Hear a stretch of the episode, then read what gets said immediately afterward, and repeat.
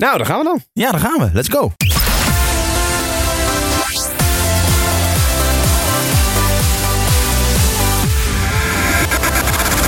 Dummies Podcast. Tegenover mij zit uh, Jordi Warners. En tegenover mij Ruben Koren. Is dat enthousiasme wat we erin gaan gooien, ja? Ja, tuurlijk. Je moet een beetje blij zijn. Dat is waar, dat is waar. Dummies podcast. Het is de aller, aller, allereerste. Ja, het is uh, seizoen 1, episode 1. En die gaat dan over... Nee, dat laten we nog even... Gaan we straks vertellen waar die over gaat.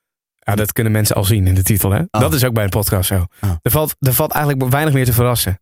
Mensen zien ook in de titel dat we Tom Coronel te gast hebben. Dat hoeven we ook allemaal niet spannend te gaan maken. Oh, nou goed, uh, episode 1, Formule, uh, zo. seizoen 1, episode 1, over de Formule 1. Ja, en, en laat ik dan nog even dan het, het concept dummies uitleggen. Um, wij zijn beide dummy, oftewel leek, in een bepaald onderwerp. En wij zijn dan in dit geval Ruben en ik. De eerste reeks afleveringen van Dummies podcast. Dan zijn wij dummy slash leek in de Formule 1. Elke aflevering gaan wij praten met een expert die ons meer probeert te leren. Ja. Over in dit geval dus nu de Formule 1. Het kan ook zo zijn dat wij na vijf afleveringen over Formule 1 denken. Ja, we zijn expert. Nou ja, expert is ook een groot woord natuurlijk. Maar Ja. weet je, we weten er nu wel genoeg af. Laten we doorgaan naar het volgende onderwerp. En dan kan het zomaar eens Nederlandse hiphop gaan worden of wat dan ook. Ja, nou, ik denk dat de Formule 1, daar hebben we echt wel even uh, hebben we wel werk aan. Want ik hoorde Olaf Mol uh, laatst zeggen, dat is natuurlijk de commentator van, uh, van Ziggo, dat er in een Formule 1 auto 11.000 draaiende onderdelen zitten. Die quote die blijft echt hangen. Dus 11.000? 11.000. Nou, van mijn auto weet ik dat het vier draaiende wielen heeft en een stuur. Maar Ja. goed, uh, nou ja, in ieder geval. Nou ja, maar goed, dat zijn natuurlijk wel de dingen waar we wat meer over willen weten. Maar ook over, joh, eh, super softband, softband. Wat houdt dat nou eigenlijk in, weet je wel? Eh, hoe vaak mag een auto zijn banden wisselen tijdens zo'n wedstrijd? Eh, wat mag je wel en niet aanpassen in de pitstraat? Noem het maar op. Ja, en ook Max Verstappen natuurlijk zelf. Hè. Ik krijg een beetje zo'n zo'n kriebeltje in mijn buik als ik aan Max Verstappen denk. Is Ja. dat verliefdheid of is dat... nou eh, ja, misschien zou het kunnen zeggen. Nee, ik ben, ben gewoon een gezonde hetero man. Maar ja, weet je, die jongen is zo succesvol. Ik zat vanmiddag ook nog weer even eh, wat, eh, wat interviews te kijken. En hoe cool hij is. Hoe, hoe, wat een vakman hij is. En ik moet Ja. zeggen, ik heb dat wel eh, vaker. Want ik heb dat dus nu bij Max Verstappen met Formule 1. Maar ik vind dat als je bijvoorbeeld kijkt, een heel ander voorbeeld. hoor, Maar eh, Martin Garrix, weet je wel. Ook zo'n jonge Ja. gast. Weet je, ja, wij zijn gewoon gevlokt Ja, vergeleken dit- met zo'n Kijk, je gaat ons ook een beetje leren kennen. En dit is ook wel weer typisch, typisch Ruben. Want eh, als, als iemand in jouw ogen al motief, of hoe heet dat? Passie uitstraalt, succesvol is. Dan, dan ben jij bijna verliefd op diegene. Ja, maar ik kan er zo van genieten als iemand op jonge leeftijd, weet je, dat zijn gasten die zijn jonger dan ik. Ik ben zelf 23 jaar. Die zijn zo succesvol. Dan denk ik, ja, pa, ma, had mij alsjeblieft op mijn vijfde verjaardag gewoon een gitaar gegeven. Dan had ik misschien ook... Nee, dat is niet waar. Ik bedoel, ik ben best, best blij met wat ik doe. Maar ik, ik kan daar gewoon wel echt intens van genieten, ja. Nee, ik, ik snap wel wat je bedoelt hoor. Eh, moeten we onszelf nou nog even een klein beetje introduceren? Dat is misschien wel, eh, wel Ja, handig. we zijn elkaar hier niet in de gang tegengekomen. We kennen Nee. elkaar al wel. Nee, ja, precies. Nee, nee, Ik, ben, ik heb jou leren kennen bij het eh, lokale omroep. RTV Emmen heette dat eh, destijds. Ja. En ehm, daar was ik radio aan het maken. Daar kwam jij op een gegeven moment bij. En zijn we veel meer tijd met elkaar gaan besteden. We hebben bij Simone FM, de regionale omroep, hebben we nog wat dingen gedaan. Ja, jij was de presentator en dan ging ik maar gewoon vrijwillig mee Ja. eh, om koffie te halen en zo. Ja, ja, ja, ja en, en toen ben ik uiteindelijk ben ik bij, eh, bij Slam terechtgekomen. Waar ik dan nu van maandag tot en met vrijdag een programma maak, een radioprogramma. En, ik ook eh, van genieten overigens, hè? Dus ook jij bent in mijn ogen gewoon... Ik zal niet zeggen dat ik verliefd op je ben. Nee maar, dit gaat, nee, maar dit gaat ook te ver. Want Oh. nu ga jij mij een veer in mijn reet steken. Dat wordt voor niemand leuk. Oh. Dat, wordt niet, dat wordt gewoon ongemakkelijk. Dit, dit moet, moet niet... eh, nee. nee, dit wordt ongemakkelijk. Oké, we gaan door. Maar, Maar, oké, maar goed, eh, dat doe ik dus in het dagelijks leven. En jij houdt je bezig met ook radio. Ja, ik werk bij Hilversum 3, bij 3FM. Eh, daar doe ik de productie van Michiel Veenstra voor eh, de NTR. Dat is mijn, Ja. eh, mijn baas. En dat vind ik echt eh, vind ik ook heel erg leuk.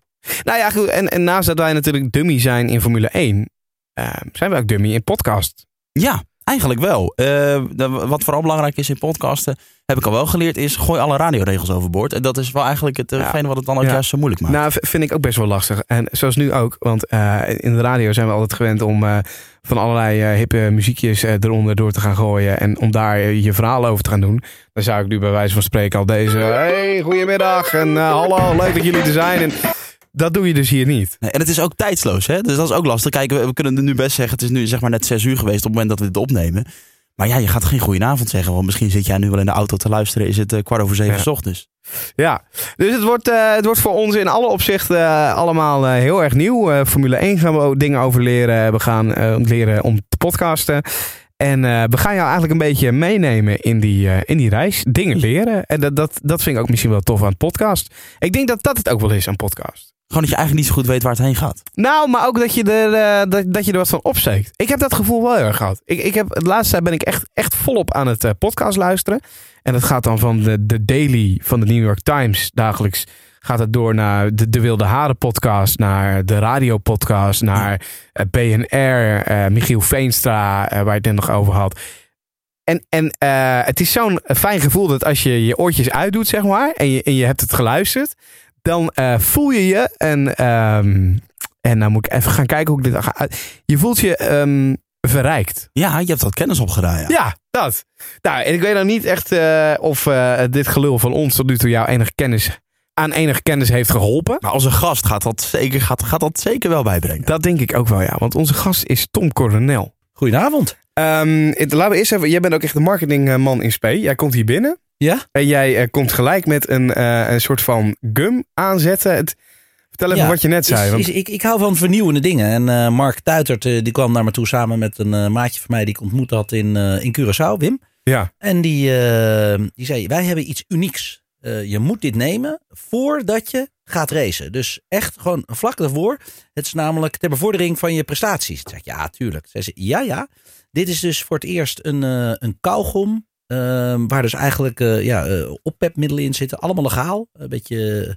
ja, Mark Tuiten moet je het even exact vragen. Maar het zou koffie kunnen zijn. Een beetje Red Bull-achtig. Ja, ik heb hem net genomen, Jordi. ja. Stiekem al. Ja, Ja, jij, ja, jij, ja. jij- jij- jij moet het nog nemen. Ik kan dan niet wachten met dit soort dingen. Nou, het, het- de, ik wil jouw gezicht wel zien. En dan ga ik proberen te omschrijven wat je dan, eh, hoe je eruit ziet. Want Ja, het ik is- heb hem nu in mijn handen. Ik, is eh, vrij maar heftige ik slaap nog wel, Tom, eh, morgen vroeg. Ik, of vannacht. Nou ja, ik, het is ook een vrij groot kou. Het is echt wel nou, twee suikerklontjes zo groot. Ja, in mijn mond. ja. en mijn kou, hè? Zo, Zo hè? Ja, Ja, die eerste bijt is, eh die dat is is niet wat je verwacht van kauwgom. Nee. maar wat is, er zit een soort vloeistof zit erin. Ja, er zit een soort vloeistof in. En die, eh, die zorgt eh, gewoon dat het wat sneller eh, wordt opgenomen. Omdat het in je speeksel gaat. Dus Ja. vanuit je mond. In plaats van bijvoorbeeld een, een Red Bull. Dat gaat in je maag. En dat duurt echt gewoon 20 eh, minuten tot een half uur voordat, voordat het wordt opgenomen in je lichaam. Zo, Ja, en Ja. Nu, eh, ja, nou ja, nu blijf je voorlopig echt- eventjes alert. Mijn hele mond wordt koud ook. Ja, en er ver- begint een soort van... ehm, Je vertrekt ook een beetje. nou, dit wordt een razendsnelle podcast dit. Ja, eh. dit wordt een eh, snelle, opgewekte podcast. Tom, wat leuk dat je er bent. Ben je ooit te gast geweest in een podcast eigenlijk? Helemaal niet. Dit is echt eh, serieus de eerste keer. Ja. Nou ja, voor ons is het überhaupt de eerste keer om een podcast op te nemen. Ja. Het idee is echt dat wij... wij zijn dummies nu in Formule 1. Ja. Wij zijn sinds Er vorig bestaat jaar... een boek hè, tegenwoordig. Hè? Die, is, die is vorige week uitgekomen. Door Olaf Mol. Ehm, nou ja, Olaf heeft een boek uitgebracht, maar Ja. deze is dan eh, eh, door iemand anders uitgebracht. Oké. Eh, ehm, en die heet dus ook eh, Formule 1 voor Dummies. Nou, Ah, deze ja. podcast die kan gelijk de deur weer uit. Ja. ja, iemand heeft ons concept alweer eraf gehaald. Nee, Mooi, maar maar ehm, kijk, want- Tom, wij zijn eh, eigenlijk net zoals heel Nederland, denk ik. Het afgelopen jaar zijn we echt fan geworden. Hè? Vorig jaar, toen, toen Max ineens keihard ging scoren in die sport. Ja, dat is eigenlijk niet heel erg aardig. Hè? Want je hoort eigenlijk Nee. altijd al fan te zijn geweest van Ja. autosport. En nu in één keer dat Max, dan denk ik om hutje Ja. idee. Dan wil iedereen, eh, iedereen erop mee, eh, meedoen. Ja, dat hoor je vaker, denk ik. Hè? Ja. ja. Maar dan ben ik serieus benieuwd. Wat, eh, echt, dan ben ik serieus. Wat, wat vind je daarvan? Dat, ja, ik, zei- ik noem mezelf gewoon, dit kom ik van. Ik en Jordi ook. Wij zijn gewoon successupporters. Weet je, er is Ja. een Nederlander. Je ziet ineens in alle bushokjes zie je Max Verstappen. Dat Ja. vinden we fantastisch. Dan gaat er iets kriebelen. Wat vind je daarvan? Ja, ik, ik vind leuk dat autosport echt begint te leven. Ehm, dat hadden we natuurlijk al, ook al in de tijd eh, met Jos. Maar je merkt nu echt wel dat gewoon heel autosport gewoon, eh, gewoon een lift krijgt. Op Zandvoort, eh, aandacht in de kranten, op de radio, op de televisie. Ja, het maakt eigenlijk niet uit. Nee. Overal is gewoon autosport is niet meer vies, is niet meer iets raars.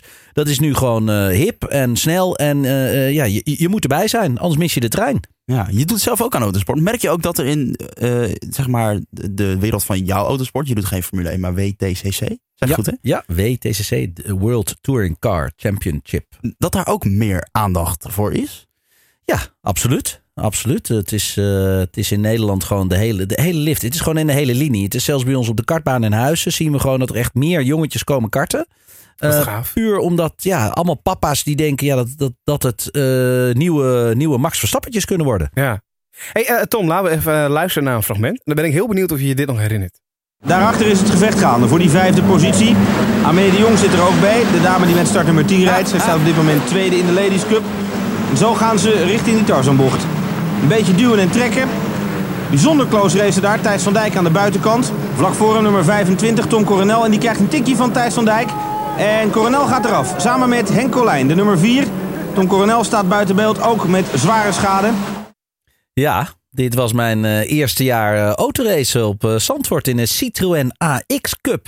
Ik Ja. zeg uit mijn hoofd eh, 1990. Ja, Applausje. Helemaal, ja. Klopt, klopt als een bus. 1-0. Maar, maar Tom, want ehm, ik, ik heb inderdaad ook gelezen, hè, in 1990 begon het voor jou in de autosport. Klopt. I- I- hoeveelste race is dit dan, waar we nu naar geluisterd hebben?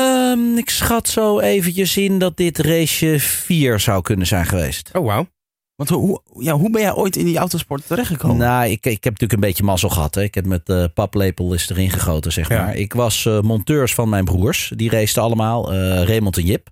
Ja, en zo, eh, zo was ik monteur bij hun. En toen kreeg ik als cadeau een, ja, een, eh, een racecursus op Zandvoort. Nou, die racecursus won ik. Ik kwam eruit als beste cursist. Dus het was een sortiment van eh, ja, prijs die ik kreeg. En dan mocht ik een jaar lang gratis racen in de, in de X-Cup. Ja, en zo ben ik, er, ben ik er eigenlijk in terechtgekomen. Vanuit eh, ja, eh, de rensportschool op Zandvoort. Dat is een raceschool. Die geeft Ja. raceles. En daar kwam ik als beste uit. Zo, eh, zo is het gegaan. Maar even niet vergeten, mijn vader heeft vroeger geraced. Ja. Eh, mijn vader heet eh, eh, eh, ook Tom. Eh, maar dan senior. En die racete eh, in een Alfa Romeo. En Tim zijn eerste naam is Tim Alfa Coronel. En mijn of tweede naam. En mijn tweede naam is Tom Romeo Coronel. Dus ja, dat kwam omdat we raceten. Eh, mijn vader racete in de Alfa Romeo. We hadden een Alfa Romeo. En het verhaal gaat, jawel, dat we zijn geproduceerd op de achterbank van een Alfa Romeo. nou, dit, is, dit, is, dit is goed. Dit is een goed verhaal.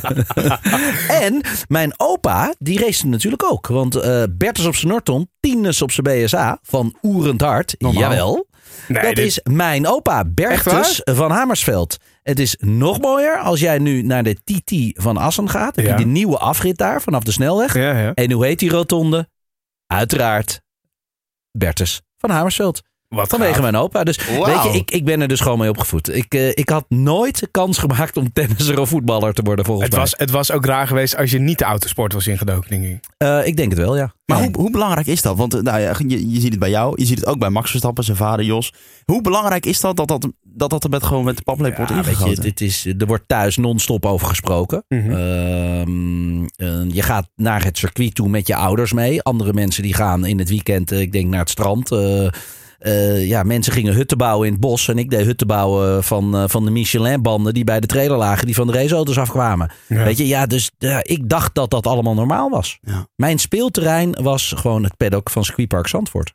En, en jouw tweelingbroer Tim, die is volgens mij, eh, als ik goed ben ingelicht, later begonnen met racen dan jij, toch? Ja, mijn moeder is overleden eh, in, eh in eh, 93. En ja, toen uiteindelijk is mijn broer Tim, die zei... joh, ik wil ook doen wat ik alleen maar leuk vind. En die is ook gaan racen. Ik heb hem daar heel erg mee geholpen.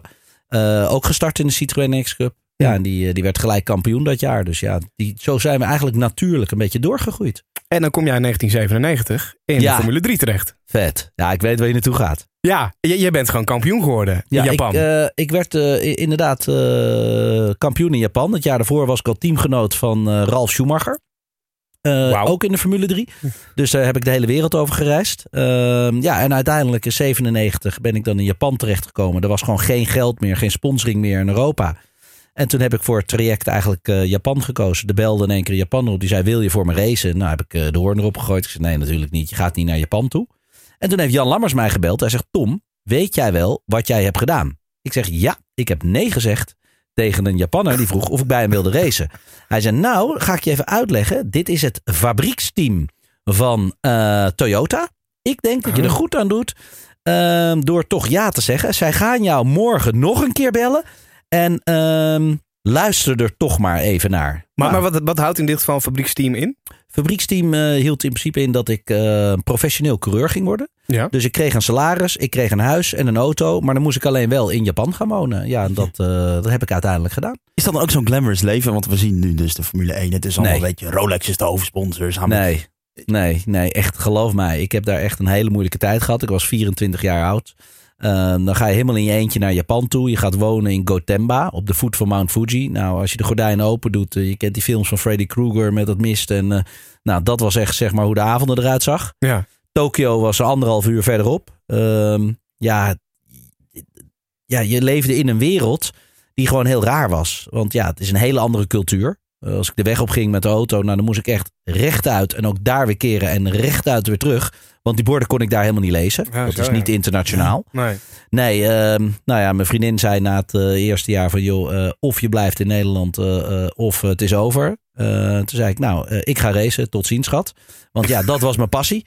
Dus ik bedoel, mijn relatie ging, ging er door, door naar de knoppen. Dus ja, weet je, het, het is niet makkelijk. Dat kan ik je echt wel vertellen. Het lijkt mooi. Nou, en toen het tweede jaar, ja, toen begon ik echt wel races te winnen. Dat was in eh, 97. Ja, dan is het toch wel anders. Dan is het in Japan echt zo. Ik bedoel, je krijgt gewoon eh, de check nog net niet in je handen geduwd. Dus eh, ja, dat waren wel hele mooie tijden. Ja. En toen was er eind, eh, of nog iets later, toen was er zelfs eh, een kans dat je Formule 1 zou gaan rijden. Ja, dat klopt. Ik werd ook eh, in 1999 werd ik Formule Nippon kampioen. Dat is eigenlijk het GP2, dus het Formule 2 kampioenschap zoals dat hier, eh, hier bestaat. En ehm, ja, toen ging ik twee dagen testen in, eh, in Barcelona. Eh, bij Arrows. Eh, ja, en dat, eh, dat, was, dat was toch wel de, de kans om naar de Formule 1 te komen. Erg goed gegaan. Ja, dan komt het financiële plaatje weer om, om de hoek kijken. Ja, en dat ging toen niet door. Ja, want het financiële plaatje, hoe zit dat bij Formule 1? Want dat is rete duur. Ja, nou, je- ziet het nu toch wel dat het. Het heeft zo'n level gekregen. Helemaal de laatste 15 jaar. Dan is het echt, echt commercieel. ja, is het echt door het dak heen gegaan. Ja, je ziet nog steeds wel mensen die er komen met geld. Hè. Kijk naar zo'n eh, Stroll die bij Williams zit. Zijn vader wordt groot aandeelhouder. Die neemt veel geld mee. Daardoor krijgt hij ook toch echt wel de kans om Formule 1 te rijden. Anders had hij het zeker nooit gered. Ehm, ja, en in die tijd ja, eh, kon je toch al, als je een 5, 6 miljoen dollar had, kon je al redelijk goed instappen. Nou, dat is nu al even anders. Ja. Het level, eh, dat zie je echt steeds meer stijgen. Het wordt steeds professioneler. Ja, en dan zie je dus ook ja, dat dat niet meer zo makkelijk is. Je moet echt veel talent hebben. Je moet worden opgepakt door een, door een fabrikant. Mercedes, eh, voor mijn part, eh, eh, of, of dat soort type merken. Ehm, ja, en op die manier krijg je dan wel kans om een stapje te maken in de Formule 1. Nou ben jij ook eh, net in Argentinië nog geweest. Ja. Vorige week. Ja. De WTCC. Hoe ging dat? Ja, minder. Minder, minder. Ik had een. ik had de race daarvoor in Villarreal een mega klapper gemaakt. Eh, ben ik op een, op een ambulance. Ik heb de beelden gezien, ja. Dat schoot ben een mand ik, af, geloof ik, hè? Ja, de, linksvoor brak hem een eh, wielbout af. En ik ging gewoon vol gas rechtdoor. Eh, en ik probeerde te remmen. Maar omdat je band eraf valt, valt daar de auto iets omlaag. Dat betekent dus dat hij aan de andere kant iets omhoog komt. Nou ja, ja dan remt hij gewoon niet meer over zijn voorwielen. Dus ik probeerde de langste weg te kiezen. En uiteindelijk ja, klapte ik vol in een ambulance. Eh, die man die erin zat, heb ik uiteindelijk begrepen, heeft, eh, zijn ribben gebroken. Ehm, ja, en mijn auto was ook plat. Dus toen we naar Argentinië gingen, ja, hoop reparatie, hoop kleine probleempjes. Nee, eh, ik, eh, ik kreeg de snelheid er niet volledig in. En ehm, het- hoe, hoe moet wij zo'n zo'n eh, zo'n WTCC-race voor ons zien? Dat is wereldkampioenschap toerwagens. Dus eigenlijk eh, is dat auto's zoals je op de weg ziet. Eh, die lijken op een. ik race tegen Honda, Volvo. Eh, ik dan met de Chevrolet, eh, Citroën. Ja, en dat, dat Ja. zijn dus eigenlijk die type merken. En dat zie je dan ook. Die Ja, de, de touringcar. Hè? ja, de touringcar. Dus eigenlijk gewoon een straatauto, zo'n 2 liter straatauto, maar dan met stickers en dan wat, wat high-end op, op, eh, opgevoerd. Ja. Zo moet je het zien. Ja, dat doet me ook heel erg denken eh, aan Dakar, als ik het kijk. Nou, Dakar is wel heel iets anders. Nou, hoor. ja, dat is geen dat- race, hè? Dat is dan in, in de woestijn. Ja. Dat zijn dan, eh, kijk, dit om het dummy gedeelte weer kijken. Het is goed dat we een expert in de studio hebben ruige zitten. terrein. Hè? Niet Ja. alleen woestijn, want we doen ook rallypaden, stenen, Ah. eh, modder. Eh, ja, het is, het, is, het is wel iets meer dan dat zelfs. Maar ik snap wel een beetje wat jij bedoelt. Want de auto waarin je rijdt met de Dakar ziet er nog... Die, die lijkt meer op een normale auto dan op een Formule 1 wagen. Ja, dat klopt. Maar een Formule 1 auto heeft natuurlijk helemaal niets met een gewone straatauto te maken. Eh, het enige wat ze daar doen is eigenlijk het development. eh, zoals bijvoorbeeld het ABS. Het anti-blokkeersysteem komt natuurlijk uit de techniek uit de autosport. Eh, niet te vergeten active suspension. Hè, dat de auto's eigenlijk van tevoren al een beetje de bewegingen kan maken. En natuurlijk de motoren. Dat ze maar een be- bepaalde hoeveelheid brandstof meekrijgen. En dan moeten ze de hele race mee doen. Dus ja, daardoor moeten ze af en toe wat zuiniger rijden. En dan kunnen ze ook door het hybride systeem, bijvoorbeeld de accu's die weer worden opgeladen, eh, kunnen ze ook weer een bepaalde boost krijgen. Nou, dat, dat zie je nu ook allemaal gewoon op de openbare weg komen. Dus ja, Formule 1 heeft niets met autosport te maken, behalve dan een stuur, eh, eh, ja, niet eens drie pedalen zoals wij hebben, maar twee pedalen en uiteindelijk vier wielen. Ja. Hey, en dan, nu we bij die Formule 1 zijn aangekomen, het dummies gedeelte waar wij bij in zitten. Laten we eens terugblikken op de race van, van afgelopen zondag. Waar Max op een gegeven moment heel lekker gaat, Ja. maar net even iets te lekker. Ja, nou kijk, weet je, eh, ik, ik stond daar denk ik redelijk eh, anders in dan je ziet. Ja, hij maakte een fout. Ja, hij tikte tegen eh, zijn teamgenoot aan. Nou ja, op de baan heb ik zoiets van, is niemand je teamgenoot? Ik bedoel, het is heel simpel, er kan er maar één winnen. Ja. Dus dan, ja, ik bedoel, zeggen mensen, ja, maar je houdt rekening met je teamgenoot. Nou, het is nog veel erger. Ik denk dat een grotere concurrent is dan al die anderen. Want die heeft namelijk dezelfde spullen, dus daar word je mee vergeleken. Ja. Ehm, ja, en uiteindelijk reed hij er tegenaan en hij kon verder, zijn teamgenoot niet. En dan zeggen ze, ja, ja je moet excuses aanbieden. En ja, weet je, ten eerste is, hij doet het niet expres. Ehm, want hij had namelijk zelf ook kunnen uitvallen. Dus hij nam een te hoog risico. Dat Ja. kan, zou je wel kunnen zeggen. Maar ja, Max zorgt altijd wel voor dat er iets gebeurt. Weet je, het is een persoon die nog heel jong is. Heel eh, eh, gedreven. Heel erg echt. Nou ja, dat zie je eigenlijk bijna niet zo gedreven als dat hij is. Maar daarom is hij ook verdomde goed. Ja, en dan, eh, ja, dan gebeurt dit. Ja, ik vind het hoort erbij. Je moet wel een beetje risico nemen. Maar dan, dan even voor de duidelijkheid. In die bocht, hij eh, rende eigenlijk te laat. Hij remde te laat omdat zijn teamgenoot daar buiten zat. En daardoor reed hij tegen zijn teamgenoot aan. Maar als zijn teamgenoot daar niet had gezeten, had hij niet te laat gerend. Was hij gewoon iets doorgeschoten en had hij de bocht genomen. Ja, maar er wordt dan gelijk ook geroepen, eh, je zegt net zelf al, hè, dat is onervarenheid, dat is jong is. Onervarenheid. Deze jongen race al vanaf dat hij vijf jaar oud is. Op de kart. Ja. Die heeft meer races gereden dan ik en mijn tweelingbroer bij elkaar opgeteld. Ja. Ja. En ik ben eh, 45. En deze jongen is 19. Dus eh, om even na te gaan. Dat, nee, oh nee, deze jongen heeft al zoveel geraced. Ja, weet je, soms moet je een beetje risico nemen. En in dit geval ja, nam hij iets te veel. Ja, wij zijn natuurlijk sowieso idol, idolaat van eh, Max Verstappen. Hij is Nederlander, dat snap. Maar wat vindt eigenlijk de Ja, maar buitenlandse... het is niet alleen omdat hij Nederlander is. Hè. Kijk, eh, ik, sorry, ik, ik wilde nee, eigenlijk al, al op jouw eh, vraag antwoord geven. Want ik wist waar hij naartoe zou gaan. In het buitenland vinden zij hem nog veel beter dan dat wij hem in Nederland vinden. Echt, hè? Ja, echt. Ja, weet je, ehm, ja, ik, niet omdat de Nederland, niet omdat Max is, maar deze man zorgt voor een andere stijl Formule 1 racen die er altijd geweest is. En heb je het dus over de stijl zoals vroeger, hè? De, de, de Senna, de Schumachers, eh, dat soort type gasten, die gewoon maar één manier kennen. En dat is gewoon de kill erin. Klaar. Ieder projectiel voor je. Gewoon, ja, dat is net, net zo'n computerspelletje met een raket, weet je ook. Destroy. Ja. Ja, en zo zit hij er ook in. Ja, dan, dan is het natuurlijk zeker in tijden als nu, en daar komen we later nog wel even op, eh, waarbij de VIA met een halo komt.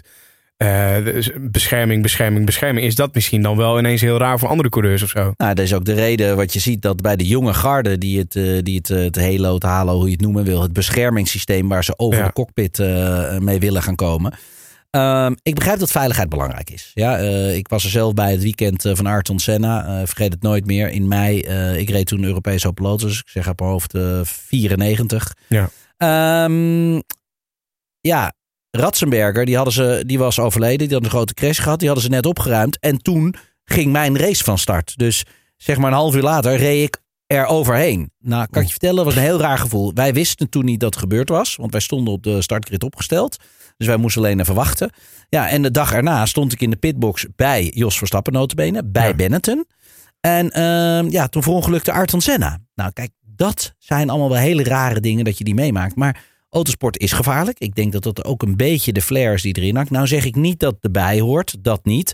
Maar kijk, het wordt op een gegeven moment, ja, wat gaat het dan worden? Krijg ik dan een een of andere airbag om me heen? En als er een keer iemand tegen me aantikt, Ja. dan weet je, er- ergens is, is het ook een beetje de, de, de autosport Formule 1. ja. Nou, de Formule 1 wordt sinds 1950 gereden, volgens mij. Ja. Is, er wel, is, het- is het veiliger geworden sinds die tijd? Zo. Ja? Zo. Ja, ik bedoel, de, de, de- er vallen geen dooien meer. Dat zien we al niet eens meer. Eh, wat? eh, gebroken benen, enkeltjes, eh, armpjes, polsjes. Dat, dat gebeurt al bijna niet eens meer. Dus nee, het is, het is niet een klein stukje veiliger geworden. Het is echt gewoon, naar mijn indruk, bijna te veilig aan het worden. Ja, daar- dus zo'n halo, dat is, voor, is dat niet nodig volgens jou? Ja, weet je, kijk, dan, dan, dan ga ik me op glad ijs eh, bevinden. Kijk, tuurlijk, veiligheid is belangrijk. Maar ehm, er, er, er, er moet ook een limiet op, op zitten. En ja, ik denk dat dit toch nu wel de limiet is. Ja, en, en halo, even voor de duidelijkheid, dat is echt die, dat teenslipper figuur wat, wat over de kop, ja, cockpit, hoe ja, noemen we dat over, in Formule over, 1? ja over, over de cockpit zit. Ja. Ja. wel, waar jij in zit. Dus eigenlijk waar jij met je hoofd in, in, in de buitenlucht zit. Daar komt dan nog een keer een soort van, eh, van boomerang effect overheen. Dat is gedaan doordat er eh, nou ja, de afgelopen jaren ook een aantal eh, mensen zijn verongelukt. Die, eh, nou ja, Surtees, die heeft in Brands Hatch heeft hij een band tegen zijn hoofd aangekregen. Dus die, die Ja. brak zijn nek. Dan hebben we natuurlijk Justin Wilson, mijn oude teamgenootje bij, eh, bij de 24 uur van Le Mans. Die verongelukt is in Amerika bij de IndyCar races. Die kreeg eh, een nosecone, dus de voorkant van de auto, kreeg hij op zijn helm. Ja, op slag dood. Ja, dan breek je gewoon je nek. Ja, kijk, weet je, dan wordt het bijna toerwagenrace. Het wordt dus eigenlijk met een dak erop. Ja. Maar dan Hmm. semi-dak. Of het is Nou, eigenlijk een beetje targa-achtig. Maar, maar over dat dak gesproken, want wij hebben, eh, was het Hamilton die met een, eh, een proefscherm of zo eh, twee weken terug Nee, heeft Vettel, gereden? Heel Ja, Vettel? Vettel heeft met een proefscherm gereden. Dat was dus eigenlijk een, een stuk eh, glas. Ja, ja. inderdaad. Zo, zo ziet het eruit. Eigenlijk of- alsof er een voorruit in zat, maar geen dakje. Ja. Ehm, ja, dat klopt. Daar, eh, ja, dat, dat- dat zijn ook bepaalde manieren hoe ze dat willen. Maar kijk, je, je gaat weer met de airflow zitten van de auto. Ehm, ja, het zicht. Hè. Eh, Kijk, je kijkt niet naar, naar voren. Dat is waarom er ook een stang in het midden aan de voorkant kan zitten. Mensen zeggen, hoe kan dat nou? Er zit toch iets voor je? Ja, maar je, Oh. wij- als Formule 1-rijders kijk je naar de wielen. Dus je kijkt naar de zijkant daar. Je kijkt nooit echt recht voor je. Je kijkt altijd daar of daar. Oh, Maar dat ding lijkt nou. toch wel gigantisch af. Een soort van teenslippen voor je neus. Nee, nee, nee. Dat, dat ding dat zie je helemaal niet. Geloof nou, maar mij. dat, dat was wel het eerste wat ik ook dacht. Want ik eh, zie dan ook een foto vanuit de cockpit waar dat ding geïnstalleerd is. En eh, de logische gedachte is wat jij net zei. Je kijkt naar voren, je ziet geen flinker. Dus je, dit, maar dat is dus niet het geval. Je kijkt echt Formule 1 rijder, kijk je naar de zijkanten, de wielen. Ja, ja, je kijkt echt eh, eh, schuin naar voren. Dus je kijkt naar je voorwielen. Dat is, want dat is altijd het insturen van de bocht. Hè. Dat is eigenlijk altijd waar je naartoe kijkt. Wauw. Dat is het eerste ding wat we alweer geleerd hebben. En dat is waarom ze hem hier zetten. En niet zoals bij een auto. eh, wat is het? eh, De A-stijl heet Ja. dat. Eh, ja, die zit ook altijd in zicht als je instuurt, toch? Ja. Nou, Ja. en dat heb je dus niet bij een Formule 1 auto. Ah, kijk. Hey, en dan dummies. over, over circuits gesproken. Hè? Eh, afgelopen zondag dus in Hongarije. Daarvoor hebben we Silverstone gehad. Klopt. Ehm, wat, wat is nou het makkelijkste, moeilijkste circuit? Wat, wat zijn nou de... Wauw, ja, kijk, ik denk dat Monaco, ik denk voor iedere coureur toch wel eh, heel uitdagend is. Doordat het een eh stratencircuit is. Een Ja. echt een volledig stratencircuit. Hè. Eh, niet zoals, zoals eh, als je naar Australië kijkt, is een beetje semi-stratencircuit. Als je naar Canada kijkt, is een beetje semi-stratencircuit. Monaco is echt gewoon boomho. Ik bedoel, eh 1 centimeter extra ruimte, die bestaat niet. Dat is ook, dat is ook de, de thuisbasis wel van heel veel coureurs. Heel veel ja, coureurs dat heeft met de belasting eh, te maken. Dat je daar geen belasting betaalt. Dus dan houden ze iets meer over. Ja, ja. En ja, het is ook wel heel makkelijk naar Nice. Dus ook vanuit, vanuit het vliegen is dat een redelijk centraal iets. ja, wat, wat, wat toch ook wel helpt. En het is lekker weer. Altijd goed. Altijd Ja, goed. dus, Maar eh, goed. maar ja, dus eh, ja, ik denk het moeilijkste circuit is Monaco. Zou ik als coureur toch ook wel zeggen. Maar aan de andere kant, ja, wat is moeilijk? Het is het meest uitdagende. Daardoor raken coureurs ook wat meer excited. Hè? Mhm. Dus eh, ja, ik vind het alleen maar gaver. Nou, dan denk ik de makkelijkste, het makkelijkste, ja, dat is natuurlijk gewoon Monza. Dat is rechtuit, eh chicane, nog een chicane, Lesmo 1, Lesmo 2, dan hebben we Ascari chicane en Parabolica. Dan. Eh, Ja. dit, dit gaat mij als leek Nou, het zijn chicane. zeven bochtjes en het zijn eigenlijk niet eens echt En bochten. chicane is een bocht. Een chicane is rechts-links of links-rechts. Oké. Dus eventjes even zo'n zo'n slingertje erin. Dus niet één bocht die één keer naar rechts gaat, maar twee opvolgende bochten eigenlijk. Als we het toch over circuits hebben. ehm, je hebt Zandvoort al even genonoemd. Eh, wij komen allebei uit Drenthe. Dus Assen zou voor ons ook wel lekker zijn. Gaat, Ja. gaat dat ooit gebeuren? Ja, alles kan. Alles kan. Eh, ik zie dat eh, autosport groot is in Nederland momenteel. Het groeit heel erg. Eh, natuurlijk weer, weer het Max Verstappen effect. Ja, het zou voor de organisatie best wel interessant kunnen zijn om inderdaad ook hier een race te organiseren. Kijk, het is allemaal commercieel. Ja, het gaat gewoon om geld. Eh, je ziet veel Nederlanders in Spa-Francorchamps. We zien veel Nederlanders zien we in Hockenheim. We zien eh, veel Nederlanders in Hongarije. Alles wat een beetje dichtbij is. Daar Ja, veel Nederlanders naartoe. Silverstone stond helemaal vol. Silverstone, ook veel Nederlanders. Ja, wij zijn toch wel een beetje het volk wat een beetje ja, eh, autosport-minded is. Ja, waarom dan niet in de buurt? Nee. En als het volle bak is, dat, ja, dat is toch eh, kassa voor het Formule 1 circus. Maar er moet veel gebeuren aan zo'n circuit. Ja, de veiligheid is belangrijk. Maar ja, dan zeg je, ja, het moet helemaal gekeurd worden en veilig. Dan zeg je, joh, in Monaco kan ook geraced worden. Dus dan Dat- is Zandvoort 100% Ja, goed dan zou zelfs Rotterdam nog kunnen. Ja, tuurlijk, natuurlijk. Het is natuurlijk hoeveel, eh, hoeveel risico de coureurs nemen. En hoe de FIA, de, de, dat is de organisatie eh, die, eh, die dat Fédération Internationaal Automobiel, ook wel eens eh, ehm, de Ferrari Internal Affairs genoemd. Het lijkt wel of zij altijd meer geholpen worden dan, eh, dan de anderen. Maar dat is misschien weer een andere discussie. Ja, die, ehm, die, die moeten dat keuren. Ja. En eh, nou eh, hebben ze natuurlijk al een bepaalde keuringsstatus eh, op Zandvoort. Ja, en dan gaan ze daar kijken en dan gaan ze zeggen... nou, we willen dat je dit verandert en dat verandert. En als Zandvoort dat dan doet, kan dat gewoon. Geen enkel probleem. En Zandvoort zit ook ongehoord in de lift, hè? Nu met, eh nu met eh, Bernard, Bernard van Oranje, die, eh, die het circuit heeft overgenomen met een Ja. aantal investeerders. Ja, ik zie echt, weet je, het is heel simpel. Bewegen is reuring. En hij beweegt als een dolle. Hij heeft een supermooi nieuw restaurant. er komen weer allemaal nieuwe activiteiten op het Ja, circuit. die, die eh, Jumbo race dagen natuurlijk ook. ook, ook natuurlijk. Heel belangrijk. Dus een beetje de oude Marlboro Masters zoals het vroeger was. Ehm, ja, en, en nog heel veel meer. Nieuw asfalt hebben ze net neergelegd. Ze zijn alles aan het mooi maken. Hey, hey, over veiligheid, eh, verschil van uh, circuits en, eh, en dat soort dingen te maken. Ehm, z- zit er nou ook nog verschil qua regelgeving op circuits? Bij de, bij de een mag je 80 km per uur in de pitstraat rijden. Of bij de ander mag dit niet, de ander Nou, weer wel. in principe is er één reglement. Maar dat zeg ik in principe. Op het Ja. moment dat de FIA zegt, nou, hier moet het toch even anders zijn, dan kunnen ze daar een aanvulling aan geven. Maar nee hoor, nee, tot nu toe is gewoon overal alles hetzelfde. Jij zegt de FIA, dat vind ik een interessant ding. En dan hoor ik ook vaak de naam Charlie Whiting. Ja, mij dat is, eh, dat is de wedstrijdleider. eh, die, eh, die door de FIA er is neergezet. Om, eh, om de jongetjes in de gaten te houden. En, eh, en de wedstrijd dus, dus goed te coördineren. Eh, wanneer de start is, eh, als, er, als er ergens een probleem is, moet hij de beslissing maken of er een safety car in komt. Of dat een rode vlagsituatie wordt. Dat betekent dus dat alles wordt stilgelegd. Ja, dat is, ja, die- iemand moet die beslissing nemen. Want dan ga je met vijf man debatteren. Ja, dan, eh, dan Ja. is het te laat. Maar hij- nee, rondjes verder. Hij deelt ook straffen uit dan. Ehm, ja en nee. Uiteindelijk de straffen worden door, door, door een aantal wijze mannen achter in de kamers wordt die beslist. Maar hij kan wel aangeven eh, aan, eh, aan die aantal mensen van joh, eh, deze, volgens mij klopt dit niet wat die auto daar doet. Uiteindelijk is Charlie Whiting niet degene die de straffen geeft. Maar hij is wel die, die moet zeggen jongens, volgens mij ging hij door rood heen. Of Maar- volgens mij raakte hij een auto. Hoe, hoe zit zo'n zo'n zo'n zo'n stamboom dan in elkaar? Hoe moet je Ja, dat voor me zien? Charlie Whiting voor, bovenaan en, en dan... Ja, en dan, en dan moet je het eigenlijk zien dat er een twee, drie man eh, die erachter staan voor de FIA. En er zit ook vaak een ex-coureur in, wat ik trouwens ontzettend belangrijk vind. Want ja, die kan natuurlijk echt wel inschatten of iets expres gebeurt of Ja, niet. natuurlijk. Ja. En, dan, en dan niet bedoeld. eh, eh, eh, maar weet je, dan hoor je wel eens, ja, die bobo's. Wacht even, dit zijn echt wel mensen die weten wat ze doen. Maar een coureur kijkt het vanuit een hele ander perspectief. Ja. Dus vandaar dat er, dat er dan ook een andere coureur tussen wordt gezet. Zoals bij de Formule 1 vorig jaar bijvoorbeeld Tom Christensen er heel vaak bij zat. Oké. En die houdt dan gewoon een beetje vanuit de, het oogpunt van de coureur. Nou ja, als het twijfelachtig is, dan, dan, ja, dan wordt er toch eventjes heel kort gezegd: Nou, wat vind jij, wat vind jij, vind jij? Oké, klaar. En dat is waarom ze ook, ook eh, wel eens een, eh, in, het, eh, in het beeld zeggen: Nou, we kijken naar het incident. En dan Under gaan ze geven beraden, under investigation. En dan wordt er uiteindelijk beslist. Maar er zijn zo ongelooflijk veel. Denk jij dat Max Verstappen iedere regel uit zijn hoofd kent? Of dat ook niet? Nee, natuurlijk niet. Maar dat is ook helemaal niet belangrijk. Kijk, de basis, die begrijp je. Dat je iemand eraf ramt, dat kan niet. Dat je iemand de, de baan afduwt, dat kan niet. Ik bedoel, je moet hem wel de ruimte laten die hij nodig heeft. En Max is wel scherp, eh, scherper dan alle anderen. Maar dat Ja. komt ook omdat hij meer gedreven is. En dat maakt het ook wel weer interessant. Dus weet je, kijk, hij wordt altijd net niet gestraft.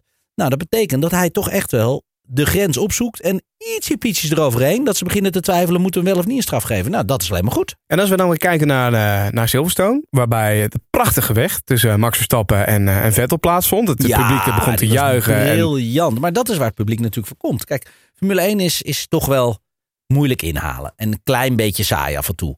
Maar ja, ik denk dat de komst van Max eh, de laatste drie jaar toch echt wel het hele Formule 1 eh, spanningsveld heeft, eh, heeft opgezweept.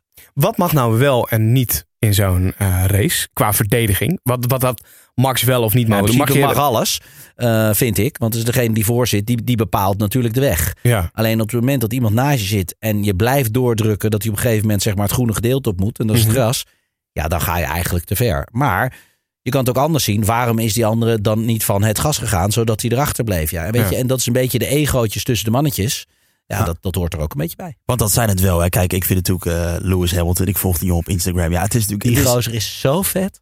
Ja, maar ik vind het ook fantastisch om te zien. eh, weet je, die, die, het zijn natuurlijk allemaal gewoon ego's. Ze verdienen Ja. miljoenen. Ze vliegen in, in privéjets. Het zijn natuurlijk allemaal gewoon wel ontzettende mannetjes. Ja, tuurlijk, tuurlijk. Dat hanengedrag daar, dat, maar dat moet ook. Hè. Ik bedoel, het is één grote arena en dan kan er maar één winnen. Ja. Zo, zo simpel is En het. dan is Max nog vrij nuchter. Want die laat zich echt niet ook door Jack Ploy. Hè, die doet natuurlijk altijd de interviews. Hij laat zich nooit van de wijs brengen. Hij is altijd Nee. kalm, altijd rustig. Ja, kijk, hij, hij is jong qua leeftijd. Maar hij heeft natuurlijk. eh, Max is gemaakt om Formule 1 coureur te worden. Vergeet niet, eh, zijn moeder eh, was coureur. eh, Jos natuurlijk. Alles wat Jos fout deed, heeft hij Max natuurlijk ook, ook van kunnen, kunnen behoeden. Eh, en zo is deze jongen gekweekt om te racen. Ik denk als je aan hem eh, vraagt, joh, je moet de vakken vullen bij API. En dat hij niet eens weet hoe het moet. Want hij kan maar eigenlijk maar één ding. En die kan hij echt serieus goed. En dat is racen. Maar dat is ook waar zijn hele concentratie van zijn hele leven omheen heeft gezeten. Ja, en, en af en toe brengt hij de boodschap ook rond, hè? Ja, ja, af en toe doet hij ook nog eventjes de boodschappen eh, voor Jumbo. Wing, wing. Snel hè? Maar, maar, eh, oké, als we kijken naar zo'n Max, want eh, hij neemt zich wel in bescherming. Dat merkte ik ook. Wie neemt wat in bescherming? Nou, kijk, Ruben had het er net over dat hij heel nuchter is, weet je Ja. wel. En, en hij zal niet snel de bocht doen. Maar ehm, hij besluit dan wel om tijdens zo'n race waarbij zijn motor zijn auto weer uitvalt, besluit dan wel om even te wachten, om niet naar de pers toe te gaan, toch? Dat, dat, dat was het moment dat hij niet de pers te woord eh, er stond, maar besloot om dat gewoon even lekker te laten gaan, omdat hij zo gefrustreerd was. Nou ja, nee, maar daar komt weer die gedrevenheid als sportman naar boven. Hij baalt er zelf van. En Ja. hij baalt dus veel meer dan wij met z'n allen bij elkaar opgeteld. En dat is goed. Geloof me, dat die, die strijdlustigheid, jongen, dat is zo vet. Ja, dat is trouwens ook een van die regels. Hè, dat, als je uitvalt, je moet voordat het einde van de race Ja, is, je moet je, moet melden bij de pers. hè? eh, je melden in een bepaald kringetje. eh, eh, in de, de Circle of Drivers. Daar staan dus alle journalisten. Mochten ze iets willen weten, dat ze het ook kunnen vragen. En als jij niet komt opdagen, ja, dan kunnen ze je niet vragen. En dat is natuurlijk goed van de VIA dat ze dat doen. Want daardoor eh, krijg je wel altijd, altijd een bepaald antwoord. Of, je, of, of ze antwoord willen geven, dat is misschien weer wat anders. Maar eh, dan, dan krijgen ze wel de kans om naar buiten te brengen wat er uiteindelijk is. Want anders is alles voor iedereen een mystery. Want de coureurs zijn klaar en die gaan naar huis en je hoort nooit meer wat van ze. Nou, en Max was gewoon zo pissig dat hij daar niet naartoe ging. Nou, dan kan je kiezen of een boete krijgen. ja, is ja. dat waar? Is dat die boete? Is dat, Ja, dat- ja, daar krijg je gewoon een boete voor. Ik denk de eerste keer zal je een gele kaart krijgen. En de tweede keer een rode kaart. Hetzelfde als bij het voetballen. En wat voor bedrag moeten we dan aan denken? Ja, weet je, dat, dat zal verschillen, denk ik. Ik denk als je het de eerste keer doet, dat zal wel misschien een 5 of een 10.000 eh, euro zijn. Zo. Ja. Nou goed, in de Ja, 1 maar zo, zo, zo. Dat is een kwartje voor jou en mij. Hè? Dat ja. is eh, heel iets anders. Die gasten die verdienen nog- genoeg. Hè? Ik bedoel, kijk eens naar gewoon zo'n Vettel de rug te gaan dat hij 50 miljoen verdient. Nou, dan maakt die 5 of 10.000 helemaal niks meer uit. Zou ik ook zeggen, joh, dit uurtje ga ik lekker onder de douche staan. Dat is wel een hele dure douche. Maar eh, ja, Hij ligt er niet wakker van. nee. Maar, maar nee, uit, kijk, en daar kom ik als Nederlander zeker kijken. Je zegt net wat, eh, wat Hamilton of nee, verdient. Wat verdient Max dan, denk jij? Ja, weet je, dat is heel moeilijk in te schatten. En ik denk ook niet dat dat super belangrijk is. Maar kijk, eh, het is een top 5 coureur van de wereld. En als je bij de top 5 zit, ja, dan mag je voor mij echt wel een 20 miljoen verdienen. Nou moet je alleen niet vergeten is dat degene die hem helpen, en dat is natuurlijk Red Bull, hem ook een bepaalde kans geven om te groeien. Dus eigenlijk Ja. maken ze hem, maar hij wordt wel steeds duurder. Dat is natuurlijk raar. Hè? Dat, Ja, dat ik, ik maak jou heel bekend en groots, maar ik moet steeds meer voor jou gaan betalen. Maar volgens mij heb je het aan mij te danken. Nou, dat zijn natuurlijk hele rare dingen. Eh, Ik denk dat het bij jullie in de radiowereld hetzelfde is. Nou, maar je, je kan ook zeggen natuurlijk, hij wordt beter. En tuurlijk krijgt hij van Red Bull de kans. Maar hij maakt het team ook beter uiteindelijk dan, toch? Eh, Uiteraard, hè, maar Ja. dat, dat doe je dus samen. Ja, Ja, Ehm, ik denk zelf dat Max een redelijk basissalaris heeft. Kijk, hij zal zich toch moeten meten en moeten kunnen leven zoals een Formule 1 Eh, ik schat een basissalaris in, nou wat zal dat zijn? Ik denk een 600.000, 700.000 euro. Lekker. Ja, ehm, tuurlijk is heel veel geld, maar vergeet ook niet, hij wordt serieus uitgewoond. Hè. Eh, Hij moet veel PR-dingen doen. Je, je, wordt, je kan niet echt jezelf zijn. Als je op vakantie bent, kan je natuurlijk niet echt Nee, even je gekkigheid uithalen. Want er is wel ergens een filmpje van iemand die, dat, eh, die jouw feestje moet verpesten. Ja. Eh, mensen zijn ook gewoon af en toe een beetje bloedzuigers. Die willen je ook uit de tent lokken. Dus weet je, je kan niet meer leven zoals je eigenlijk zelf als de rest doet. Dus ik vind ook, daar mag je ook goed voor betaald worden. En dan is dan jou de keuze of je mee wil stoppen, ja of nee. Ik bedoel, Mika Hakkinen, die kon gewoon nog blijven racen. Maar die wilde het gewoon niet meer. Ze is gewoon mee gestopt doordat hij dat niet leuk vindt. Vergeet niet vorig jaar Rosberg, die gestopt is. Die werd wereldkampioen. Die zei gewoon, ja, ik, ik ga geen Formule 1 meer racen. Nou, die had zeker 40 miljoen kunnen verdienen. Maar het gaat dus niet meer om geld. Het gaat dus dan op een gegeven moment ja, dat je jezelf kan zijn. Maar Ja. ik heb ook zo het idee, als je al 150 miljoen hebt, dan zit je ook niet meer op de laatste 40 te wachten. Maar dat is misschien weer wat anders. ik denk dat Max ehm, dit jaar alles bij elkaar met merchandising, ik denk een, eh, een, eh, een 5 miljoen eh, verdient. En ik denk dat hij in de toekomst, hele korte termijn, naar de 20 miljoen gaat. Jeetje, Ja. Maar ik, ik geloof ook, want ik zag onlangs een interview, volgens mij, nou, ik weet niet, met uh, RTL Boulevard of zo. Volgens mij, en dat geloof ik ook echt als ik hem dat zie zeggen, het interesseert hem geen zak. Als hij maar in die Nee. racewagen kan zitten. Nou, dat, maar dat is dus die gedrevenheid. Maar kijk even terug toen jij jong was. Interesseert je helemaal niks. Nee. Wat interesseerde je aan het leven? Ik bedoel, ik weet dat ik toen volgens mij een helm en, en, en een racepak had. En ik wilde alleen maar racen. Voor de rest moest iedereen me met rust laten. Ja. Nou, in, in, in, die, in die mode zit hij gelukkig ook. Maar daardoor zie je dus ook dat hij nog steeds groeit. En dat hij ook nog steeds beter wordt. En dat het dus echt wel een potentieel wereldkampioen is. Maar In wording. dan moet je wel een andere auto gaan rijden als Red Bull. Ja, maar dat klopt. Dat klopt. Die kans komt ook nog wel.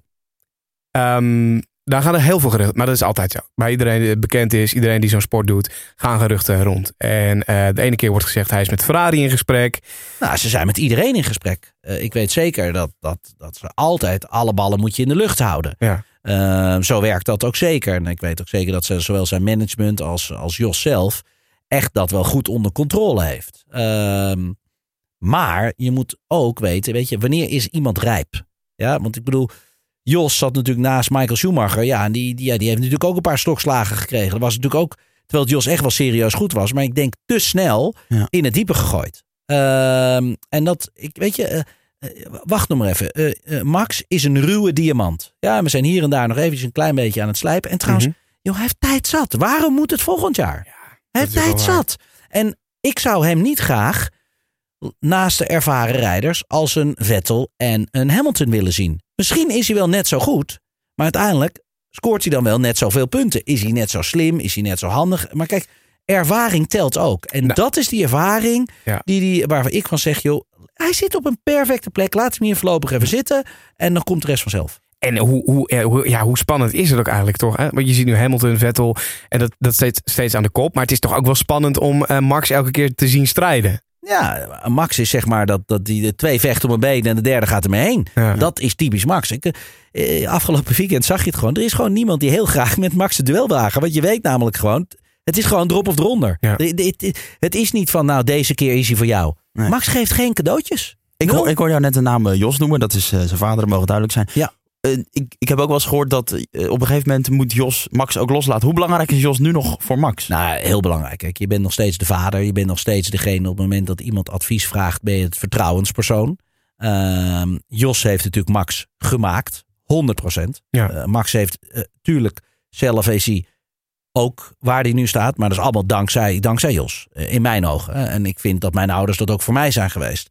Ehm, dus ja, ik, ik, ik, ik zie het als een, als een heel vertrouwenspersoon, eh, klankbordachtig iemand. Eh, ik denk niet dat hij alles met Jos deelt. Daar heb je natuurlijk ook weer Raymond Vermeulen voor. Eh, die natuurlijk Raymond weer Vermeulen, wie is dat, dat is de manager. Ja. Die natuurlijk naar voren is geschoven door Jos. Ja. Dat is ook een beetje. Ja, ik denk dat ook wel eens handig dat je niet altijd de vader van.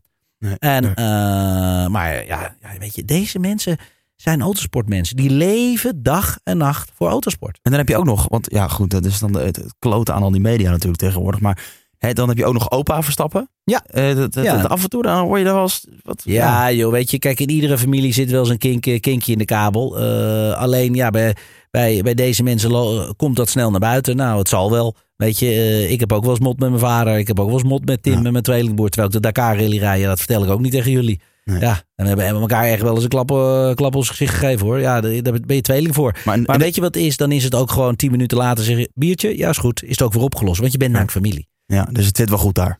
Tuurlijk, don't worry. Hey, en ehm, kijk, qua Formule 1 heb je dan ook nog weer regels met, eh, met banden, dat soort dingen. Ja. Ehm, Je hebt het ik- over strategie dus. Nou, ja, ook. Ja, Ja. Nee, zeker strategie. Eh, Dat komt er dan, neem ik aan, ook bekijken. Ja. Super soft, wet. Nou, dan houdt het bij mij op qua kennis. Ja. Wat is dat verschil tussen? En, en, en, en wat voor band kies Goeie je? vraag. Goeie Ja. vraag. Nou, kijk, Ja. eh, wet, dat zegt het al, dat is regen. Dat is een regenband. De regenband, daar zitten sleuven in. Eh, eh, dat is, dus, dus daar zit profiel in, zoals jouw band eh, op de auto zit. Eh, en die gleufjes, daar gaan het water in zitten. Want eigenlijk als je dus met een band op het water drukt, Mhm. dan druk je dat water in die gleufjes en dan heeft het rubber contact met het, eh, met het asfalt. Ja. Dat noemen ze een regenband. Ja, en als je die regenband op droog gaat gebruiken, ja, dan is dat rubber dat is zachter, dus dat breekt ook. Ja. Ja. En dat heeft dus eigenlijk ja, te, te zacht en te weinig grip. Want je gebruikt maar de helft van de band. Dan krijg je een slikband. Die is dus profielloos, helemaal glad. Ja. Maar die heeft dus wel het volledige contact met het asfalt. De hele band. Dus er zit er geen gleuf in. Minder weerstand. Meer weerstand. Nee, Meer nee, weerstand. nee. In principe dus meer weerstand. Want ja, die eh, rubber, eh wrijf maar eens tegen rubber. Dat wordt- dan Ja. warm. Maar dat is precies goed. Want die weerstand, dat is grip. Ja, precies. Weerstand ja. heet grip. Ja. Nou, en dan uiteindelijk heb je tussen die slicks heb je verschillen. Ja, dat is de soft, super soft, de medium, ja, en eh, zover als je dan kan gaan. De zachtste band, zo moet je maar denken, geeft de meeste grip. Dat is eigenlijk een beetje hoe je het moet zien. En dan kan je dus het hardst mee door de bochten. Ja, dat klopt. Maar die eh, houden het ook het minst lang vol. Want als je het meeste grip hebt, dan slijt hij dus ook het meest. Dus een zachte band, die gaat bijvoorbeeld met 10 rondjes mee. Nee, super soft, die gaat ze met 10 rondjes mee. Een soft gaat dus 15 rondjes mee. Een medium gaat dus 20 rondjes mee. En nou ja, zo een beetje omhoog. Zo zou je het eigenlijk in de theorie makkelijk kunnen uitleggen. Hoe En- vaak mogen ze die dingen wisselen? Qua... Nou, in principe moet je met twee verschillende banden eh, aan de race hebben meegedaan. En dan is Oké. aan jou waar de strategie in zit. Maar die banden, want dat, dat, eh, de Formule 1-ouders zijn allemaal verschillend. En eh, dat, dat is ook goed, denk ik. Want dan houdt het spannend. Mercedes is nu gewoon de snelste. Ferrari daarna, daarna Red Bull. Nou, afgelopen weekend was het natuurlijk weer Ferrari. Ik kwam als een duvel uit een doosje. Die waren 1 en 2. Eh, maar inderdaad, vroeger was echt... Dat, vroeger, ik heb het over de laatste drie jaar, was Mercedes oppermachtig. Ja. Ja. En nu zie je dat Ferrari ja, toch wel eh, is ingelopen. En uiteindelijk nu ook eerste in het wereldkampioenschap staat. Dus eigenlijk zou ik zeggen, is dat nu de betere auto. Maar goed, Ehm, in ieder geval, ze, ze zijn overal verschillend. Maar wat ik wilde Ja. zeggen, die, die band is voor iedere auto gelijk. Dat is eigenlijk Iedere het auto enige. gelijk. De band is voor iedere auto gelijk. Dus je moet je auto moet je zo afstellen dat je band, zolang dat de zachtste band, zo lang mogelijk heel blijft. Ja? Of hetzelfde is dat op de hardere type band eh, zoveel mogelijk ronden kan rijden. Dus meer dan iemand anders voordat hij instort. Want op een gegeven moment is de band op. Ja, en dan verlies je zoveel tijd. Dan moet je naar binnen. Nou, en dat is denk ik ook waar de kracht van Max zit. Max voelt aan een band aan wanneer je hem pijn doet. Dus wanneer die extra gaat slijten zonder dat je er echt harder door gaat. Dus hij, hij maakt hem niet kapot. Dus bij een gewone rijder, zeg maar, die houdt het op de mediumband 20 rondjes vol.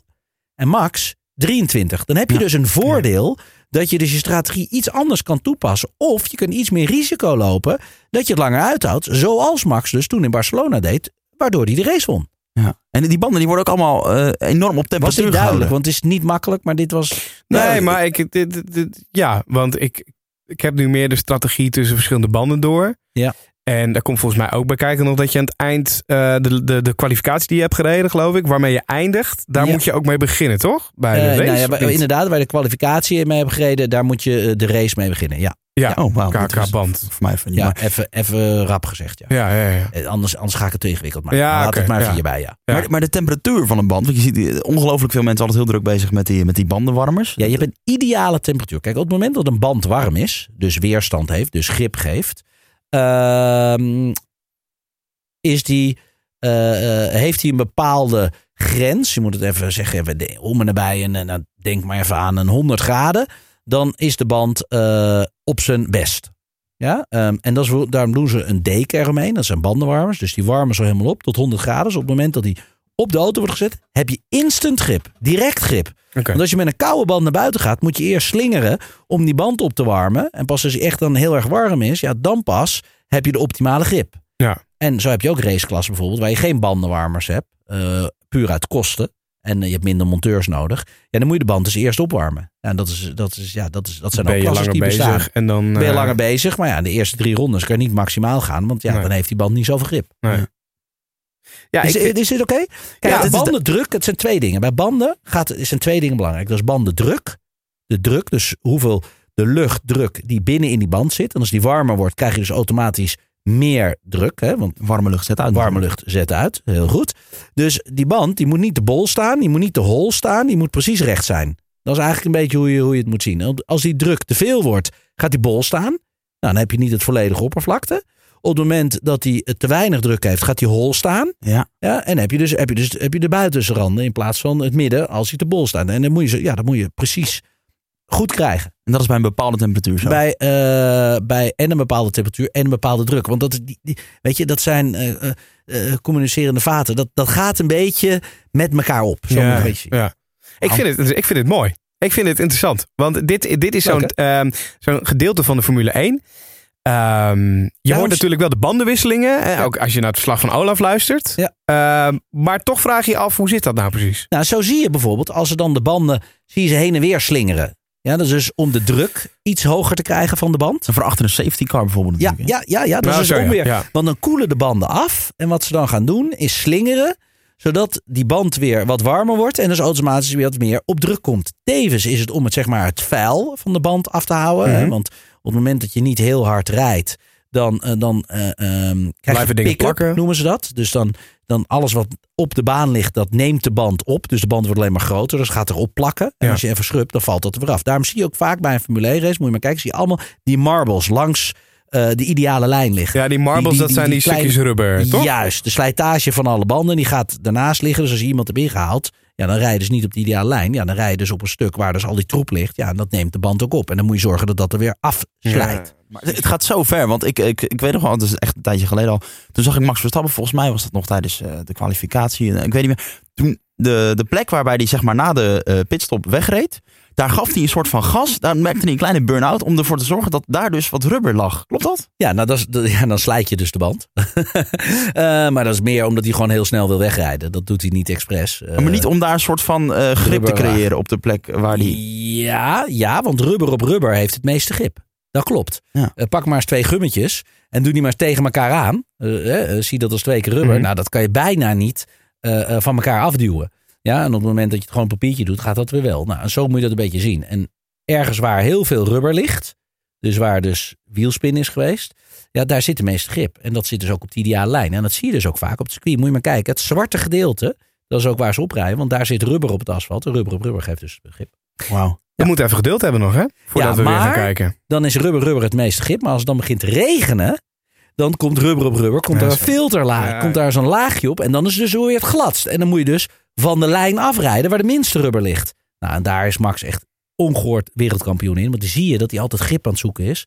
Dus hele alternatieve lijnen aan het rijden is. En dan in één keer de snelheid heeft en die andere niet. Ja, maar is logisch, die hebben de grip niet. Er wordt ook vaak gezegd hè, dat, dat we hopen altijd dat het gaat regenen tijdens zo'n race. Want dan maakt Max meer kans. Eh, ik denk dat Max inderdaad meer kans maakt in de regen met de auto waar hij nu mee rijdt. Dat, eh, dat zeg je goed. Maar, maar wat ik net al even zei, even geduld hebben, want eh, vijf weken zomerstop. Ja, zonde. Ja, Ja. Maar ook wel eventjes lekker. Ehm, weet je, er zat zoveel druk op. Op een gegeven moment hadden we ook een paar weekenden achter elkaar. Weet je, het is Mhm. op een gegeven moment ook wel veel. En je moet ook goed nadenken dat het hele circus, dus al die mensen, die reizen constant over de hele planeet. Ik bedoel, het zijn gewoon een stel zigeuners. En Ja, tuurlijk, ja. ehm, ja, dan natuurlijk, Formula One is a way of life. Ja, maar er is ook nog iets meer dan alleen Formule 1. En ik denk ook dat je eventjes, eventjes de basis, even, even weer de rust moet zoeken om weer die piek te pakken richting het einde van het seizoen. Het zijn, wat is het dit jaar? 22 races of zo? Het zijn er echt Ja. veel hoor. best. Ja. Gaan we Max Verstappen dan nog ergens op een strand tegenkomen in zijn zwembroek? Of is dat alleen maar in de sportschool? Nee hoor, beide. Wil jij, wil jij hem Nee, tegenkomen eh, op, in zijn eh, zwembroek op het strand, eh, Ruben, deze zomer? Nou ja, goed. Zo deze jongen is fit. zien. Het is gewoon als zijn hoofd en zijn nek één is, dan zou het zomaar kunnen zijn de Max is. Ik bedoel, ja, hij, heeft, hij, heeft, hij heeft echt een, een, een stevige nek gekregen Ja. in vergelijking met vorig jaar. En dat heeft natuurlijk alles te maken dat hij het ook goed traint. Maar de auto's hebben ook meer grip gekregen dan vorig jaar. Dus dat is, dat is ook nodig. Meer G-kracht in de bochten. dus. Meer G-kracht in de bochten. Ja. En eh, ja, dan, eh, dan heb je wat eh, meer speech nodig. Nou pak ik even de Formule 1 app erbij, want Ja. ik blijf niet voor niks een dummy. Eh, 27 augustus in België. Eerste race weer. Spa-Francorchamps, heerlijk. Eigenlijk een soort van thuisrace voor Max. omdat hij natuurlijk ja, toch uit het zuiden komt. Hè? Mhm. Maastricht en omstreken. Ja, dat is, eh, Spa is anderhalf uurtje. Eh, ja, dat is, dat is een beetje een thuisrace voor hem. En ook voor ons, voor Nederlanders. Gaaf circuit, ook belangrijk. Ehm, ja, eh, een, een, een mooie manier om, het, om zeg maar de tweede helft van het seizoen weer te beginnen. is, het, is het een eh, goed circuit voor Max ook? Ja, ieder circuit is gewoon goed voor hem. Ehm, dit is ook een circuit. Ja, weet je, het is een lang circuit. Dan moet je ook wel een hele goede auto hebben. Eh, ja, ik, ik denk dat je toch wel dit soort type circuits het verschil kan maken met, eh, met de andere coureurs. Ja, en dat hebben we ook gezien dat Max dat, eh, dat wel kan en, en ook wel lukt. En dan jouw races. Wat, wat, wat komt er voor jou aan de komende ik, tijd? eh, ik ga nog eh, de Nürburgring, eh, de Nordschleife. Het, het meest legendarische circuit ter wereld natuurlijk. Dat is zeg maar Monaco, maar dan, maar dan voor de echte bikkels. Was ook Formule 1, toch? Ja, vroeger ook, vroeger ook. Maar dan doen ze het op het Grand Prix circuit. En oké, heel vroeger eh, was het natuurlijk eh, op de Noordslijven zelf. Maar dat is wel heel, heel lang geleden. Ja. En dan hebben we het nu over die WTCC, hè, weer? Ja, het wereldkampioenschap Tourwagens rijd ik dan niet op de Noordslijven. Nee, daar rijd ik met een eh, Nissan GTR voor Zakspeed. Ga ik daar nog twee races rijden. Ik zal nog een race rijden in Argentinië voor de TC 2000. Belangrijk kampioenschap daar. Dan heb ik nog TCR, rijd ik voor Honda. Rijd ik in Assen. Op het is, eh, eh, TT-circuit ja, ook. op het TT-circuit in, eh, in september. En dan heb ik nog het wereldkampioenschap Tourwagens. Eh, de volgende race hebben wij in China. Dus eh, ook Ja, in eh, gaaf. september, Gaaf. oktober. Dus ja, ik heb nog China, ik heb nog Ma- Japan, ik heb nog Macau en ik heb nog Qatar. Ben ik toch benieuwd. Hoe neem jij zo'n auto mee naar China? Gaat dat echt gewoon allemaal Dat gaat in een container. Eh, en die container, dat is eigenlijk zo'n soort van, ja, onze, onze pitbox of onze ja, race trailer waar alles in gaat. En die Mhm. wordt gewoon eh, getransporteerd door DHL, ook mijn sponsor, die alle logistics doet eh, voor, eh, voor het hele Formule 1 circus, maar ook voor het wereldkampioenschap toerwagens, ook voor Formule 1. Ja, en die brengen alle spullen naar het volgende event. Je moet het gewoon zien als een circus. Dat is Een ongekend van een productie dat is. Ja, ja, ja, ja, ja, ja, ja. ja, nou ja, Formule 1 heeft al een paar vliegtuigen alleen voor zichzelf. Wauw. En, en Dakar dan? Want jij hebt natuurlijk ook Dakar gereden. Wauw, ja, gaan we dit jaar weer doen. Ik kan er helaas niet te veel over vertellen, maar we gaan niet met de buggy. Ik Wauw. al te veel verteld. Oh jee. Ja, Ja, Niet met de buggy, dan... nee, we gaan niet met de buggy. Ja, wat anders. Nieuw project. Eh, er komt weer een documentaire aan. Eh, die gaan we, denk ik, eind eh, september gaat die weer, gaat die weer los. En dan gaan we ons nieuwe project presenteren samen met mijn tweelingbroertje. Wat gaaf, we gaan het En in de het enige wat ik kan zeggen, ik ga nooit meer alleen. Dus dat wordt een vrachtwagen. Het kan van alles zijn. Een, motor- Eh, een motorfiets wordt het sowieso niet, nee. want daar gaat- zit je alleen op. Ja, ja dus eh, nou, wie weet. Wie weet. Ik, eh, eind september, sorry jongens. eh, of misschien wel begin oktober. Ik ga er niks over zeggen. We zijn er heel erg druk mee momenteel. Maar we, ik weet dat er nu toch al genoeg. Het is toch Tim en Tom dan gewoon in de Dakar straks? Maar dat weten we ook. Dat is het sowieso. Alleen, jij weet niet wat voor auto. Je weet niet wat voor vrachtauto. Je weet, je- eigenlijk weet je het nog niet. Ja? Eh, dus ja, er kan nog van alles gebeuren. Nou, uiteindelijk eh, is, is Dakar natuurlijk een hele andere stijl van autosport. Hè? Het is een adventure. Het is een overleving eh, van, eh, van 15 dagen. 10.000 kilometer door het meest ruige terrein wat er is. En niet alleen woestijn. Dit jaar dan wel. We beginnen we de eerste vier dagen. Bam, hoppatee, vol het zand in. Gelijk de woestijn in. Ehm, ja, maar ook rallypaden, ook stenen. We gaan door Bolivia heen, Peru, Wat gaaf, hè? Argentinië. Jongen, wij komen in sceneries terecht. Zo mooi. Je weet echt niet wat je ziet. Eh, we gaan zelfs eh, over eh, het Zoutmeer heen, bij Uyuni in Bolivia. Ah, het- jongens, echt, Maar ik vind het zo wijs. Het is wel mooi, maar het is ook lood en lood en lood zwaar. Nou ja, dat is het enige wat je constant tegen jezelf moet zeggen. Ik ben over 14 dagen thuis. Ik ben over 13 dagen thuis. Ik ben over 12 dagen thuis. Want anders gooi je namelijk de handdoek in de ring. Ja. Want het is namelijk niet meer menselijk wat, wat daar gebeurt. Je slaapt weinig. Eh, hele zware omstandigheden. eh 50 graden. Het maakt eigenlijk allemaal niet uit. Ja, je gaat gewoon. Wat de organisatie wil is dat je kapot gaat. Dat je opgeeft. Dus de moeilijkheidsgraad moet ieder jaar een stukje omhoog. En dat is ook de reden waarom ja, eigenlijk de helft van de deelnemers ook altijd maar aankomt. Nou, dan hebben we nog een keer het speciale eh, voertuigen. Hè, want die zijn er speciaal voor gebouwd natuurlijk. Ja. Want anders kan je niet de duinen oprijden. En anders kan je niet eh 800 kilometer door de duinen op en neer, op en neer, op en links en rechts. En dan moet je nog geen navigatiefouten maken. Dan moet je niet dat ding op zijn dak leggen. Dan moet je geen schade rijden, want je moet alles zelf onderweg repareren. Ja, je bent MacGyver, je bent overlever, je zit in een race. Eh, ah, joh, het, het, is, het, is, het is alles tegelijk. Nou, misschien is dat ook maar een sport die we nog moeten gaan volgen. Dakar. Want als ik dit zo eh, Vet, hoor, dan, eh, Ja, dan ja, ja. eh, wordt het steeds interessant ik ben interessanter. verslaafd. Ja. Voorlopig die Formule 1 ook, jongens. Ja, ik kan nog honderdduizend... We kunnen Ik hier Ja, ook. maar weet je, het kan beide. Dat is het mooie. Formule 1 is zeg maar eh, vanaf maart eh, tot en met november. En Dakar is in januari. Dus heerlijk als er geen autosport is. Dus dan pak je die even mee. Kom je nog een keer terug om eh, lekker te kletsen over, eh, over autosport. Yo, eh, je hebt mijn nummer. Geef maar een gil. Hey, eh, Tom, van harte bedankt. Eh, we vonden het reet interessant. Het was ook gelijk onze eerste podcast. Dus eh, nou, dat vond ik Nou. al spannend op zich. Ja. Ik wil nog even, voordat we helemaal gaan afsluiten, Ja? nog even terug naar de kauwgom. Ja. Heb je hem nog in je mond of niet? Nee, ik, ik, heb, ik vond het een beetje onsmakelijk als ik ga praten en kauwgom tegelijk. Oh, dus je hebt nu anderhalf uur tegen mij aan zitten kijken. Je vond het zeer onsmakelijk. Nee, ik heb het niet gehoord. Dat Ah. nee, nee, nee, nee. Maar, maar merk jij er wat van eh, nu? Ben jij nu Nou, helemaal... ja, ik eh, voel me topfit. Ik voel me heerlijk. Maar of het nou door die kauwgom komt of gewoon door de energie van, Ja, van de podcast. let op wat Tom gaat zetten. Tom gaat geloof zeggen nu dat mij, het eh, het is beide. Kijk, dit is bewezen dat eh, eh, First eh, een, een bepaalde boost geeft. En je lichaamprestaties eh ja, verbetert. En of het een geestelijk of lichamelijk is, het werkt met beide. Nou, ik eh, geloof het wel in. Ik blijf. Marketingman en autosport. eh, het is niet voor mij hoor. Ik verdien er niks aan door dit te zeggen. Echt niet. Nee, maar ik vind het wel mooi hoe jij altijd alles mooi kan verkopen. Maar op, op een recht serieuze manier. Ja. Nee, nee, nee, serieus, serieus. Tom, lust jij, eh, heb jij, toen je in Argentinië was, heb je toen wijn gedronken? Eh, uiteraard, uiteraard. Ja. Ik Ik heb, eh, een mooie Argentijnse wijn. Nou, ik weet, ik, we hebben er geen, beide, daar zijn we ook dummy in. Gaan we ook nog een keer aflevering op Ik over heb bij de, de, de winkel waar ik het gekocht heb, ik gevraagd om een mooie Argentijnse wijn. Dit was wat, we in, wat ik in mijn handen Mag kreeg. ik hem openmaken? Ja, er zeker, zit, er nu een papiertje omheen. Eh, Ja, Ik hoop dat je het lukt. Want jouw broer drinkt niet, toch? Dat wist ik wel. ja, dag. Wel. Tuurlijk wel. Oh. Even kijken. Het is een eh, Alamos. eh eh, oh, 100 jaar maken ze wel. In Mendoza in Argentinië. Nou, eh, in Mendoza, daar rijden wij ook eh, door dat gebied heen. Dus Oh. eh, Nou. nee, helemaal gaaf. Waarschijnlijk eh, ben ik hier langs dit eh, druivenveld eh, gereden. en Misschien Wauw. wel er dwars doorheen.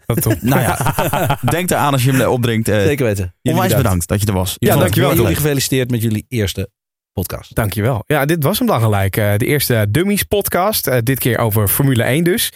En eh, ja, we gaan gewoon weer een gast uitnodigen voor de volgende aflevering. En ik denk dat we ook nog wel even doorgaan over Formule 1. Want er zijn zoveel dingen die we eigenlijk nog niet behandeld hebben. Maar waar we nog wel gewoon antwoord op willen hebben. Ja, heb je het nummer van Olaf Mol toevallig? Tuurlijk heb ik het nummer van Olaf Mol. Ik zou Olaf pakken. Eh, je kan Tim pakken natuurlijk, mijn broertje. Ja. Eh, je kan eh, Jan Lammers. Dat is Ja. ook een interessante. Die heeft natuurlijk ook zelf, zit hij er goed in. Ik denk dat dat toch echt wel een beetje de hardcore, ja, met passie en verliefdheid erover kunnen praten. Ja, leuk. Gaan we doen. En dan eh, doe ik nu de schuiven naar beneden van onze studio. En dan is dit het eind van podcast nummer 1 van Dummies.